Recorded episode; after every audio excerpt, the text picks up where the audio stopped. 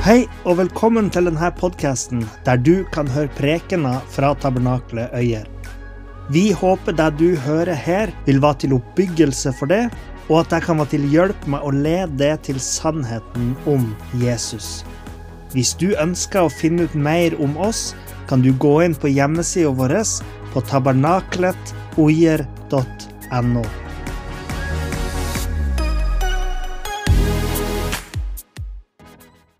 Nå skal jeg prøve å gjøre så, noe som ikke gjør så ofte, og det er rett og slett å preke eller tale ut ifra noe du har blitt gitt å si noe om. Um, og det er det sjette bud. Du skal ikke bryte ekteskapet. Det var dit vi er kommet nå i, i den serien. Men først så vender vi oss til Jesus i bønn.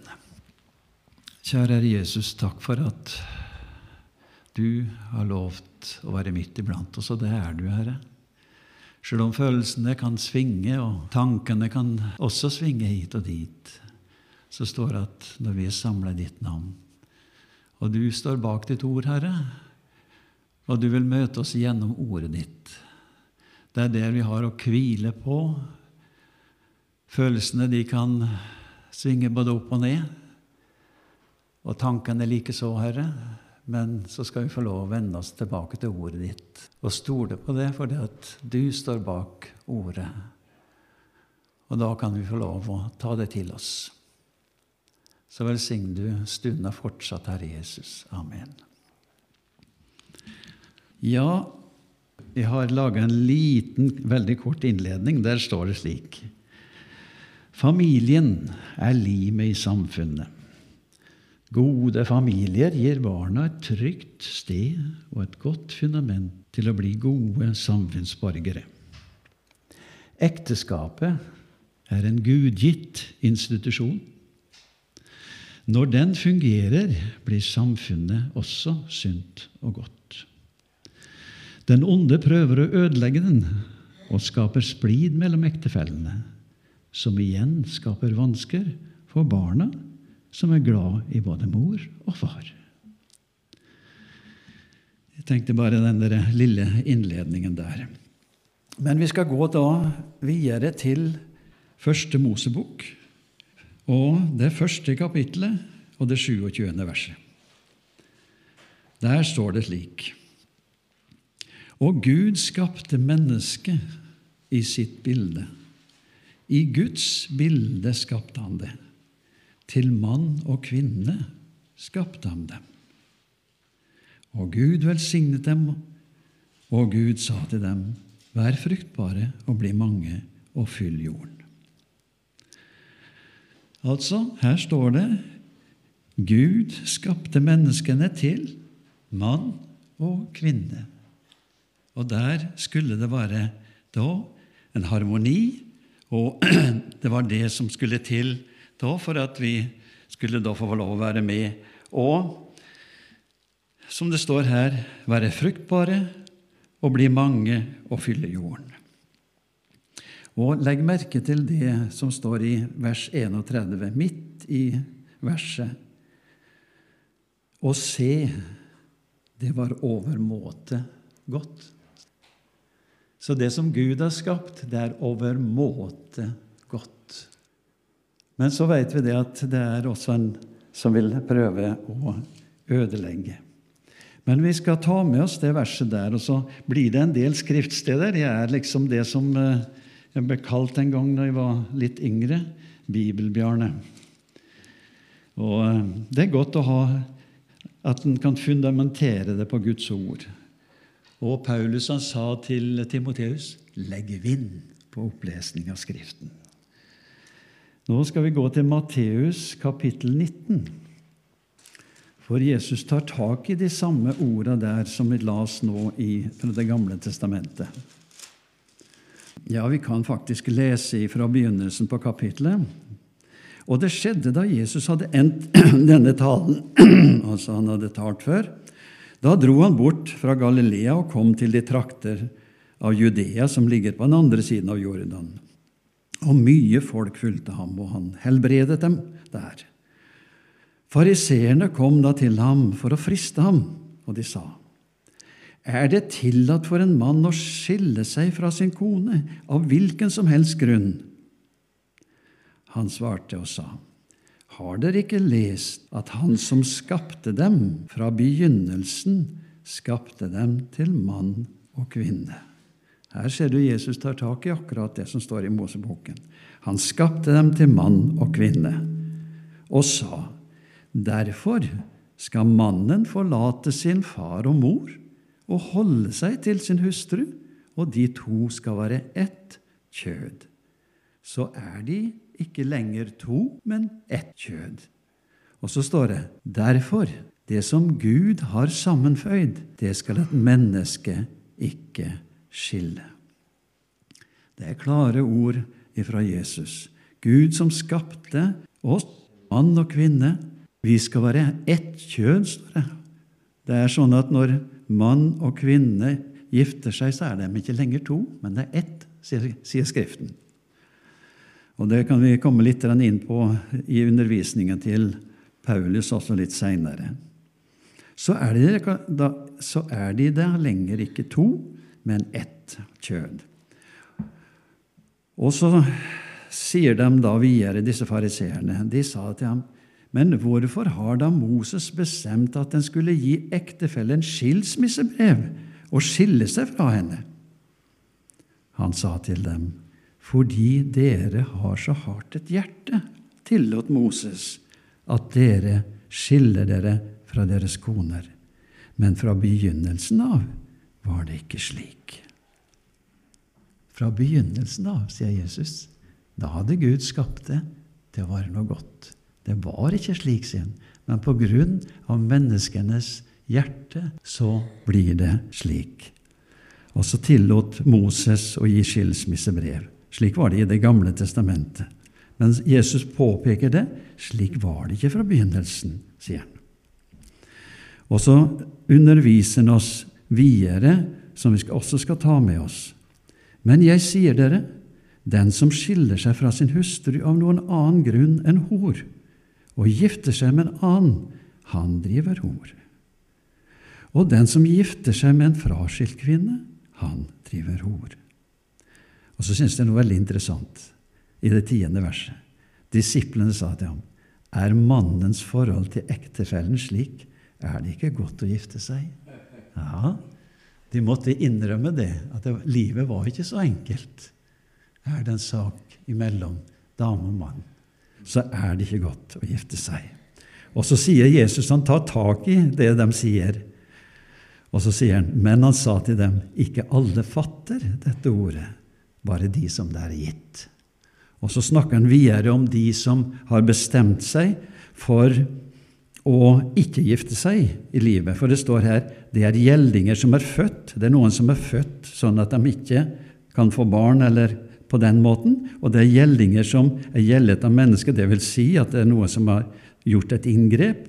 Og så sier den det siste at og det er gjeldinger som gjelder seg selv for himmelens skyld. Han bestemte seg at de ikke vil gifte seg.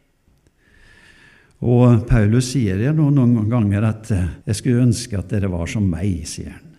Men så sier han da også det er ikke synd å gifte seg, men da er det altså at vi må ha Guds ord til å veilede oss.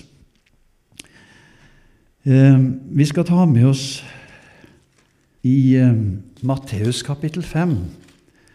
For det er sånn at vi mennesker vi ser ofte på de ytre tegn på at noen har gått ifra hverandre, noen har skilt seg. Men så går Jesus djupere inn i problematikken. Og så stiller han oss alle sammen, som kanskje vi sier at vi er vellykka og ikke har skilt, eller ikke har fått problemer med ekteskapet. Men så sier han her noe som vi skal ta ad notam. I vers 27. Dere har hørt det sagt, du skal ikke bryte ekteskapet. Men jeg sier dere, hver den som ser på en kvinne for å begjære henne, har allerede brutt ekteskapet med henne i sitt hjerte. Oi, Ja, dette var i grunnen noe som eh, vi skal la senke seg innover oss og tenke på. Altså, vi kan ikke, vi kan ikke forhindre en tanke til å komme. Det var en som sa det slik Vi kan ikke forhindre en fugl til å fly over hodet, men du kan forhindre en til å bygge reir i hodet ditt. Og det er noe her. I, når vi var yngre, så sang vi 'Vær forsiktig, lille øye, hva du ser'. Vær forsiktig, lille Ja, osv.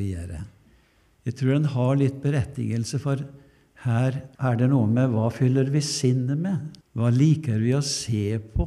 Gjør det noe med vårt forhold i ekteskapet? For i dag florerer det all slags servering på TV. Men du trenger ikke gå på TV, du går bare på telefonen din og klikker inn, så får du alt. Og Jesus sier akkurat det han har sagt her. Måtte Jesus få hjelpe oss, så vi kan bevare sinnet og tankene rene, slik at han kan få lov å komme med sin input i sinnet og tankene våre. For det, når vi fyller tankene våre, så vil det si at det blir mindre plass for det som har med Gud å gjøre. Så må Jesus få gi oss nåde og tenke på det her. Hvordan er tankene mine? Hva liker jeg å se på? Hva er det som pirrer nysgjerrigheten? Og så går det utover ja, hvis en mann eller kvinne i ekteskapet blir så opptatt med og interessert for andre uten at en bryter ut av ekteskapet, hvordan blir det i ekteskapet mellom de to? Det blir ikke noe godt. Interessene spriker, og til slutt så går det galt. Så må Jesus få hjelpe oss i tankelivet, at, eh, for det begynner der. Det begynner med tankene, og så får det mer og mer næring etter hvert som vi gir det næring. Men det går an å få hjelp, og Jesus kan få hjelpe oss, slik at vi får gode tanker, og tanker som, som gir det konstruktivt inn i ekteskapet. Johannes 2, 2. Hva står det der? bryllupet i Kana i Galilea. Hvem var der? Jo, Jesus og disiplene. Så Jesus likte å gå i bryllupene. Foruten så hadde han ikke tatt med seg disiplene når han ble invitert. Og Johannes sier noe interessant. Han sier hadde det vært skrevet alt det Jesus gjorde, så hadde det ikke vært plass på hele jorden, sa han. Og da lurer jeg på talte Jesus til bruden og brudgommen der i bryllupet? Ja, det skal ikke forundre meg at han hadde et ord til dem. Jesus var i bryllupet. Han gjorde jo vann til vin, som vi vet, men han hadde sikkert et ord også å si til brud og brudgom, slik som han har i dag. Jesus har et ord å si til vi som ektefelle, til å hjelpe oss nettopp det å få holde både ekteskapet og familien sammen. Og Dette henger sammen med vår helliggjørelse, og da går vi til Romerne 12. kapittelet, som står slik. Jeg formaner dere altså, brødre, ved Guds miskunn, at dere fremstiller deres legemer som et levende, hellig offer til Guds behag. Dette er deres åndelige gudstjeneste. Og skikk er ikke lik denne verden, men blir forvandlet ved at deres sinn fornyes, så dere kan dømme om hva som er Guds vilje, det gode og det som Han har behag i, det fullkomne. Han sier at vi skal stille våre legemer som et offer framfor Gud. Og det er en åndelig gudstjeneste.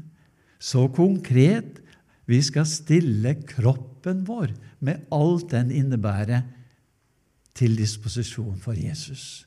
Så at han skal få lov å bruke kroppen, evne og alt til sin ja, til sitt rikes fremme, Og det står om Guds vilje.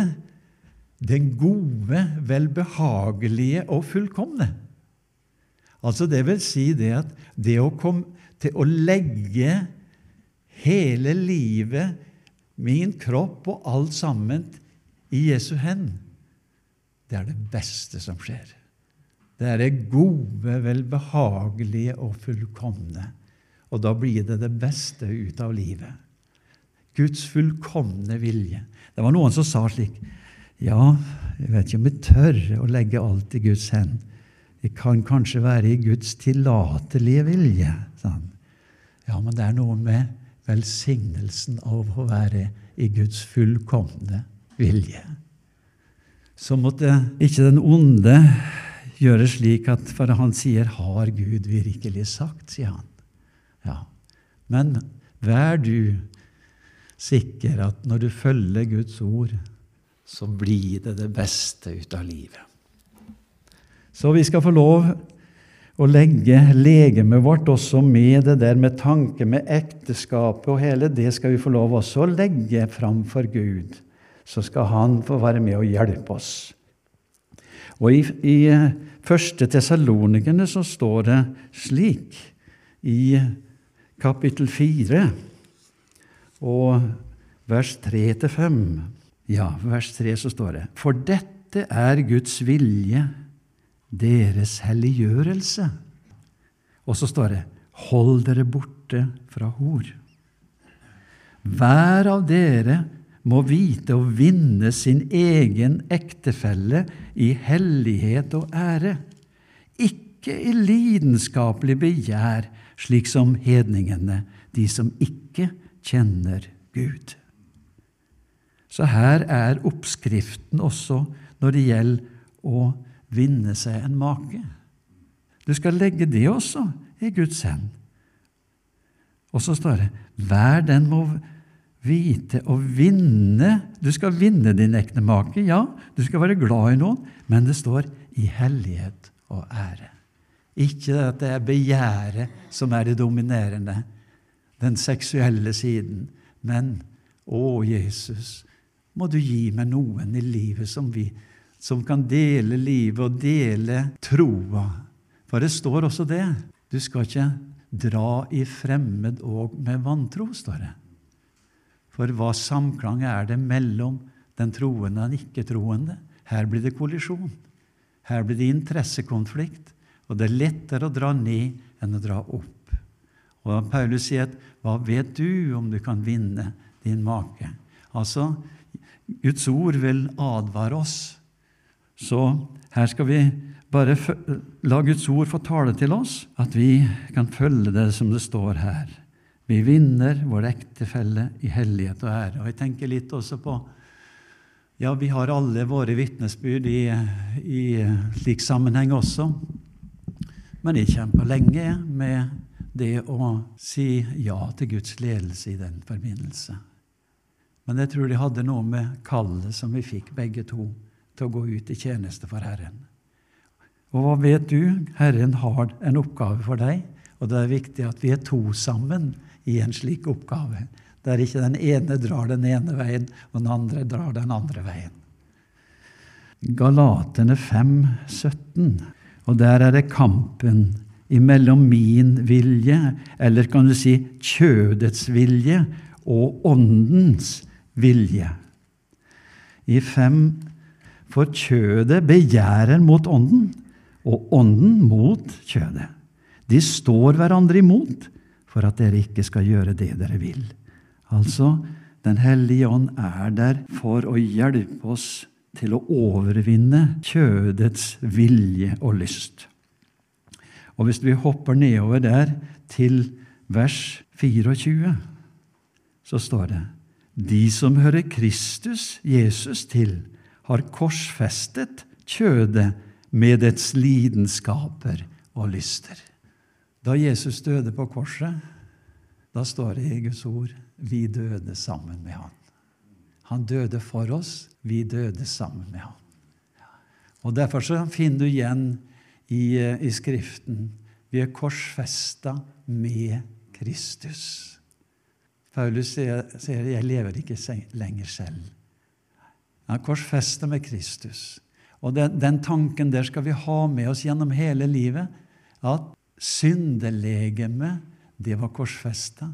Og så hva skjer etter at noen er død? Han blir begravd. Og det står det korsfestet med Kristus, begravd med Kristus og reist opp til å leve med Kristus. Ja, I det nye livet. Så vi skal væpne oss, sier Guds ord, med den tanken at vi er korsfestet med Kristus. Vil si at, som en sier her, vi har korsfesta kjødet med dets lidenskaper og lyster. Og da, når vi, når vi, vet at det er det som er stillingen vår i Jesus, at vi er korsfesta med ham Så jeg vet ikke hva slags bilde jeg skal si, men la oss si en politimann som tar på seg en uh, politidrakt, så må han oppføre seg som en politi. Det hjelper ikke bare å ha drakten. Det ville være rart om han sa at ja, men det er ikke så farlig hvordan du kjører. Men han har en funksjon, en stilling, og den stillingen må samsvare med livet. Og da er det noe som Paulus sier her i Kolossensebrevet, det tredje kapitlet. For da er det snakk om en aktiv handling fra vår side. Han sier det i det femte verset i Kolossenserne 3. Så død Det var et merkelig vers, men det her er et verb. Så død da deres jordiske lemmer. Altså Når du er korsfesta med Kristus, så skal du gjøre en aktiv handling. Og da står det 'så død da deres jordiske lemmer'. Utukt, urenhet, syndig lidenskap. Og det er jo det samme som vi snakker om i dag, om å bryte ekteskapet. Her ligger det inni det samme. Utukt, urenhet, syndig lidenskap, ond lyst. Ja, ikke bare det. Pengegriskhet. Her er det også en advarsel mot oss, som er avgudsdyrkelse. Vi skal legge av disse ting, sier han, fordi at vi er døde med Kristus. Og så, vi, så er det ting vi skal altså legge av, men så er det også noe vi kan ikle oss, sier han. Og det snakker han om lenger ute i samme kapitlet. Og da står det her i vers 12 Dere er Guds utvalgte, hellige og elskede. Ikle dere, da, står det. Det er en aktiv handling. Det er ikke bare en passiv å sitte og si at ja, men jeg er med Kristus og ferdig med det. Nei, det er en aktiv handling. Ikle dere da inderlig barmhjertighet, godhet, ydmykhet, beskjedenhet, tålmodighet, så dere tåler hverandre og tilgir hverandre, dersom en skulle ha noe å anklage en annen for. Like som Kristus har tilgitt dere, skal også dere tilgi hverandre. Og det her har jo ikke bare noe å si mellom de troende, men også inn i ekteskapet. Ja, der skal vi også ikle oss det som en sier her. Inderlig barmhjertighet, inderlig godhet, inderlig ydmykhet og beskjedenhet og tålmodighet. Og så står det så dere tåler hverandre og tilgir hverandre dersom en skulle ha noe å anklage den andre for. Er det ikke aktuelt? Jo, det er aktuelt. Vi trenger å tilgi hverandre. Og jeg må si det at uh, det var flere ganger at jeg og Jorunn måtte be hverandre om tilgivelse. Vi kunne gråte sammen. Og så var vi ferdig med det. Ja. For det er to mennesker som skal være sammen, og så er det ulike syn på ting. Og så kan det være at den ene kjører sitt syn mot den andre. Men det er godt å få lov å gjøre opp Og det var der det står La ikke solen gå ned over din vrede. Det betyr bli ferdig med saken den dagen. Så kan du begynne på en ny dag. Og det står det det er ikke engler han tar seg av. Vær oppmerksom på det. Jeg er ikke noen engel. Du er ikke noen engel. Vi er ufullkomne mennesker. Og vi trenger tilgivelse, og vi trenger å be hverandre om tilgivelse. Ja, i Efeserbrevet, det femte kapitlet, så kommer vi inn på det der med ekteskap igjen. I det 17. verset så står det slik Vær, ja, Efesene 5, 17. Vær derfor ikke uforstandige, men forstå hva som er Herrens vilje. Og så går vi til vers Eller hele, fra vers 22 så er det jo ja, jeg kan si det derre kapitlet som gjør det kanskje vanskelig for noen, for her snakker det om underordning. Her snakker det om hustruer som skal underordne seg sine menn. Og ta der er blitt overfokusert, rett og slett. For det glemmer det som står videre i det samme kapitlet. Og der står det hva mennene er skyldige til å gjøre. Og nå skal vi lese. I vers 28 kan det begynne først. Slik skylder også mennene å elske sine koner som sine egne legemer. Den som elsker sin kone, elsker seg selv. Ingen har noen gang hatet sitt eget kjød, men han nærer og varmer det, slik også Kristus gjør med menigheten. Og i vers 25 så står det:" Dere menn, elsk deres koner, liksom også Kristus elsket menigheten og ga seg selv.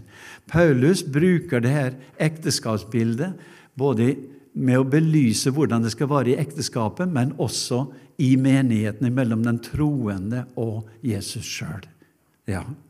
Så det er et veldig sterkt bilde, men her er det noe som vi har tenkt på. Vi overfokuserer det på at kona skal være under mannen. Og så glemmer vi hvordan vi som menn skal være overfor våre hustruer. Vi skal elske våre hustruer som oss sjøl, og så tar vare på Ja, tenk på alt det, altså den kjærligheten som Jesus har til oss. Og så tenke som så er det ikke mange ekteskap som kunne blitt redda hvis vi menn hadde den samme omsorg og kjærlighet som Jesus hadde? Det er noe her som vi glemmer så lett, og det er noen som sa det.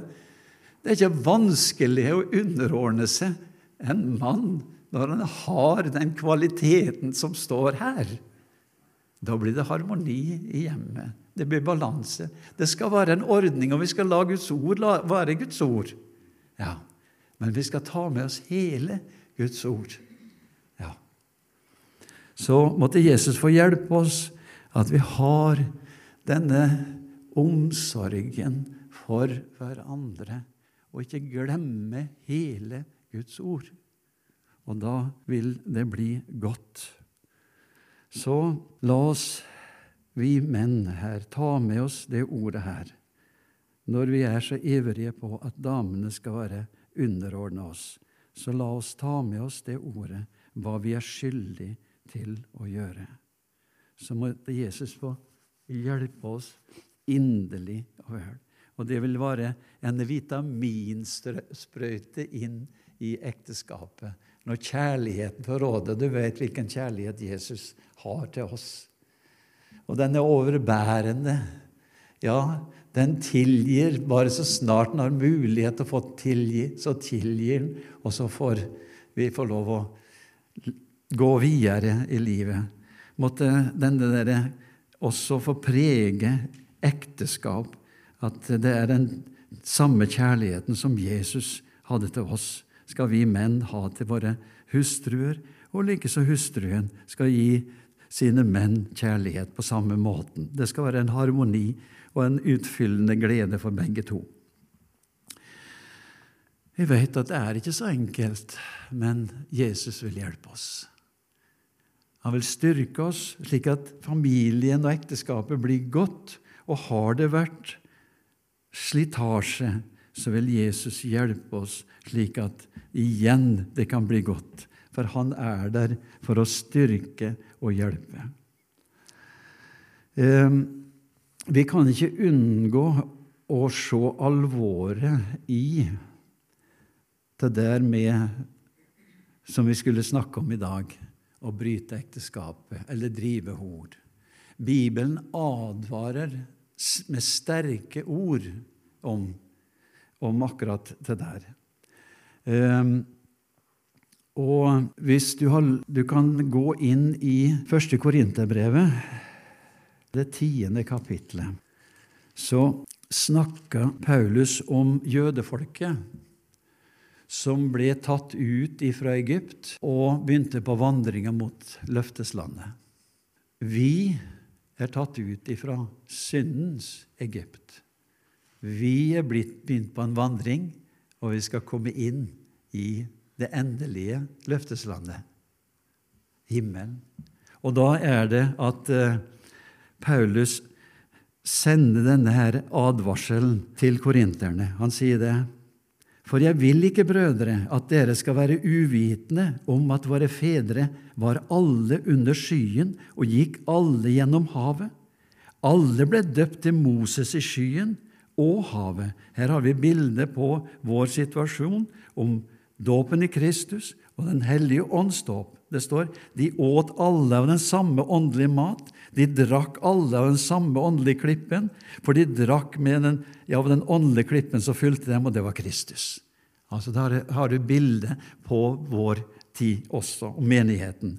Men så står det likevel fant Gud ikke behag i de fleste av dem, for de ble slått ned i ørkenen. Men så sier han, men disse ting hendte som forbilde for oss, så vi ikke skal ha lyst til det onde, slik de hadde lyst til det. Og så ramser han opp forskjellige ting som angår livet vårt. Her står det heller ikke må dere bli avgudsdyrkere, som noen av dem. Også heller ikke må dere drive hor, slik som noen av dem. Og hvis vi går inn i akkurat det der ordet når det står om at den drev hor, det står i det fjerde Mosebok, kapittel 25, og de versene fra 1 til 9 der. Og der ser vi hva Gud måtte dømme når israelsfolket drev hor. Og det der er gitt oss til advarsel for at vi ikke skal gå inn i de samme lidelsene og, og, og, og rote livet vårt til, sånn at, at vi kommer ut av Guds plan med livet vårt. I 1. Korinterne 7 der gir Paulus veiledning om nettopp ekteskapet. Hvis du leser det første verset der i kapittel 7, så står det når det gjelder det dere skrev om, altså de hadde skrevet til Paulus og spurt ham om noe angående ekteskap. Så nå svarer han på akkurat det. Så, det, så sier han ja, når det gjelder det dere skrev om, så er det godt for en mann å ikke røre en kvinne. Det var liksom første konklusjon. Men så går han inn i problematikken, og så sier han men for hors skyld skal hver mann ha sin egen kone og hver kvinne sin egen mann. Her er Guds ord veldig klart og tydelig. Hver mann skal ha sin egen kone, hver kvinne sin egen mann. Mannen skal gjøre mot ektefellen det han skylder henne, og det samme skal kvinnen gjøre mot mannen. Hustruen rår ikke over sitt eget legeme, men mannen. På samme vis rår heller ikke mannen over sitt eget legeme, men hustruen. Og så gi inn et råd. Hold dere ikke fra hverandre uten at dere er blitt enige om det, for en tid, for å leve i bønn. Og så, sier han, og kom så sammen igjen for at ikke Satan skal friste dere fordi dere ikke makter å være avholdende. Paulus er realistisk. Han veit slik er det med livet.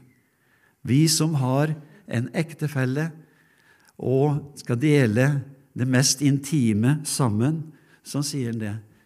Dere kan bli enige om å være for dere sjøl ei stund og be, men så komme sammen igjen, sånn at dere ikke utsetter dere for fristelser. For vi er svake, og vi kan fort vende oss bort fra vår egen hustru og se på noen andre. Så sier han, og kom så sammen igjen for at ikke Satan skal friste dere fordi dere ikke makter å være avholdende. Nei, vi er svake mennesker. Så måtte Jesus få hjelpe oss, sånn at vi ikke åpner opp for noe som vil ødelegge ekteskapet. Og så hopper vi nedover til vers 10 og bare tar med oss de versene som Paulus gir råd om. Til den som er gift, har jeg dette bud. Ikke fra meg selv, men fra Herren. En kvinne skal ikke skille seg fra sin mann. Men er hun skilt fra ham, skal hun enten fortsette å leve ugift eller forlike seg med mannen. Og så står det om mannen. Og en mann skal ikke skille seg fra sin kone. Så måtte Jesus få gi oss visdom, for livet er ikke enkelt. Det er ikke svart-hvitt. Det kan være så komplisert i det der forhold med gifte og skilsmisse. Men må Jesus få hjelpe oss, slik at vi lar Guds ord være grunnlaget for livet, og når vi skal hjelpe hverandre i akkurat det her. Og så er det det tryggeste det er å følge Guds ord. Det står jo i Salme 119. Jeg har tatt vare på ditt ord i mitt hjerte for at jeg ikke skal synde mot deg. Altså det ordet som bevarer oss. Dette veien vandrer på den. Det er den gode veien som Jesus har kalt oss inn i. Men det er en onde som prøver å forstyrre sinn og tanker, slik at vi velger gale valg. Men det er på grunn av at vi er svake mennesker. Men så har vi med en Jesus å gjøre som tilgir og hjelper og reiser opp igjen. Og du kan legge merke til når Jesus gikk her på jorden De som hadde det vondt, som hadde trødd feil Eller ja, nåde. Heller ikke jeg fordømmer deg, sin. Ja. Og legg merke til det står i den lille Bibelen så står det om så Gud elsket verden at han ga sin sønn den enbårne for at hver den som tror på ham, ikke skal gå fortapt. Men så står det i vers 17 Han kom ikke for å dømme verden, men for at verden skulle bli frelst ved ham. Og det ordet 'frelse' der, det går djupere bare enn bare det ene knefallet. Det gjelder hele livet i de forskjellige faser som vi er inne i at den er der for å hjelpe og tilgi og reise opp igjen. Derfor så sa han til hun dere, som de tok og som de sa at han hadde grepet i fersk gjerning i hor. De tok ikke med seg mannen eller han som hadde gjort det, men de tok med seg henne. Men i alle fall så lurer han på hva Jesus skal vi si Så sa ikke Jesus noe men han bøyde seg ned. Så skrev han i sanden, og vi vet ikke hva han skrev. Det kan vi bare spekulere på. Men i alle fall så reiser han seg opp igjen for at de, de spør videre. Hva vil du gjøre, Jesus? Og da er den en røre ved det ømmeste punktet. Den som er uten synd. Han kaster den første stein. Hvem var uten synd der? Jesus var uten synd. Han kunne ha kastet den første stein. Men Jesus kom med nåden og sannheten. Da tusla han bort den ene og den andre, for han kjente sin egen stilling. Vi er ikke uten synd, men det er noen synd som er mer åpenbar enn andre, og da har vi lyst å fordømme den. Men Jesus sa til fariseerne, dere sitter på Moses stol og legger byrde på andre, men sjøl så rører dere ikke. Altså, det er lett for å dømme andre. Men hva med mitt skjulte liv? Ja, måtte Jesus få hjelpe oss. Og det står i 1. Johannes 2.: Mine barn, dette skriver jeg til dere for at dere ikke skal synde. Og hvis noen synder, har vi en talsmann hos Faderen, Jesus Kristus den rettferdige. Og han er en soning for våre synder, og det er ikke bare for våre, men hele verden. Og så vers 8 og 9 i første kapittelet. Dersom vi sier at vi ikke har synd, da bedrar vi oss selv, og sannheten er ikke i oss.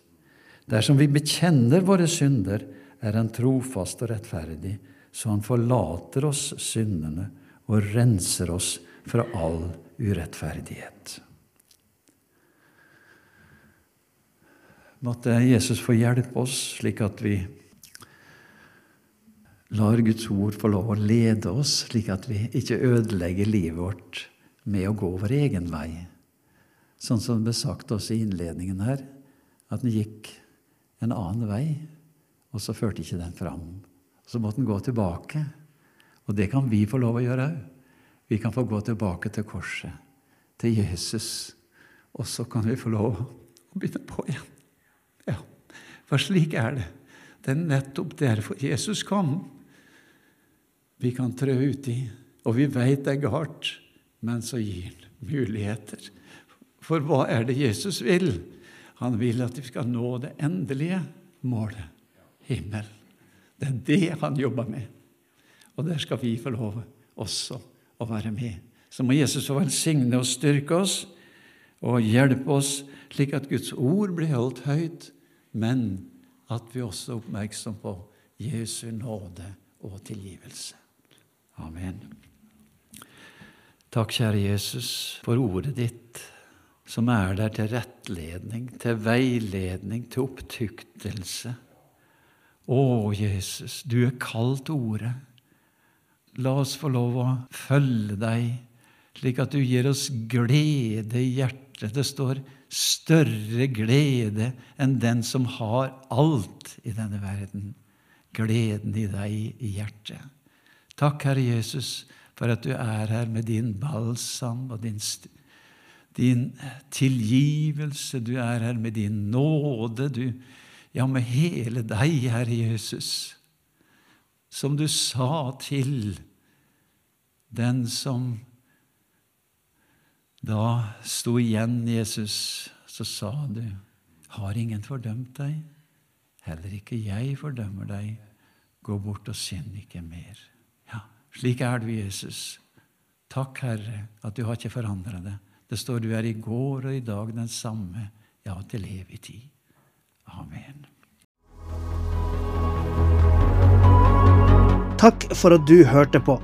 Hvis du tok et steg i tro i dag, eller du har noe du ønsker forbønn for, så vil vi gjerne høre ifra det via e-postadressen kontakt alfakrølltabernakletogjer.no. Du er òg velkommen til våre ukentlige gudstjenester i menighetslokalet i Haugskutua 5 26 36 Øyer.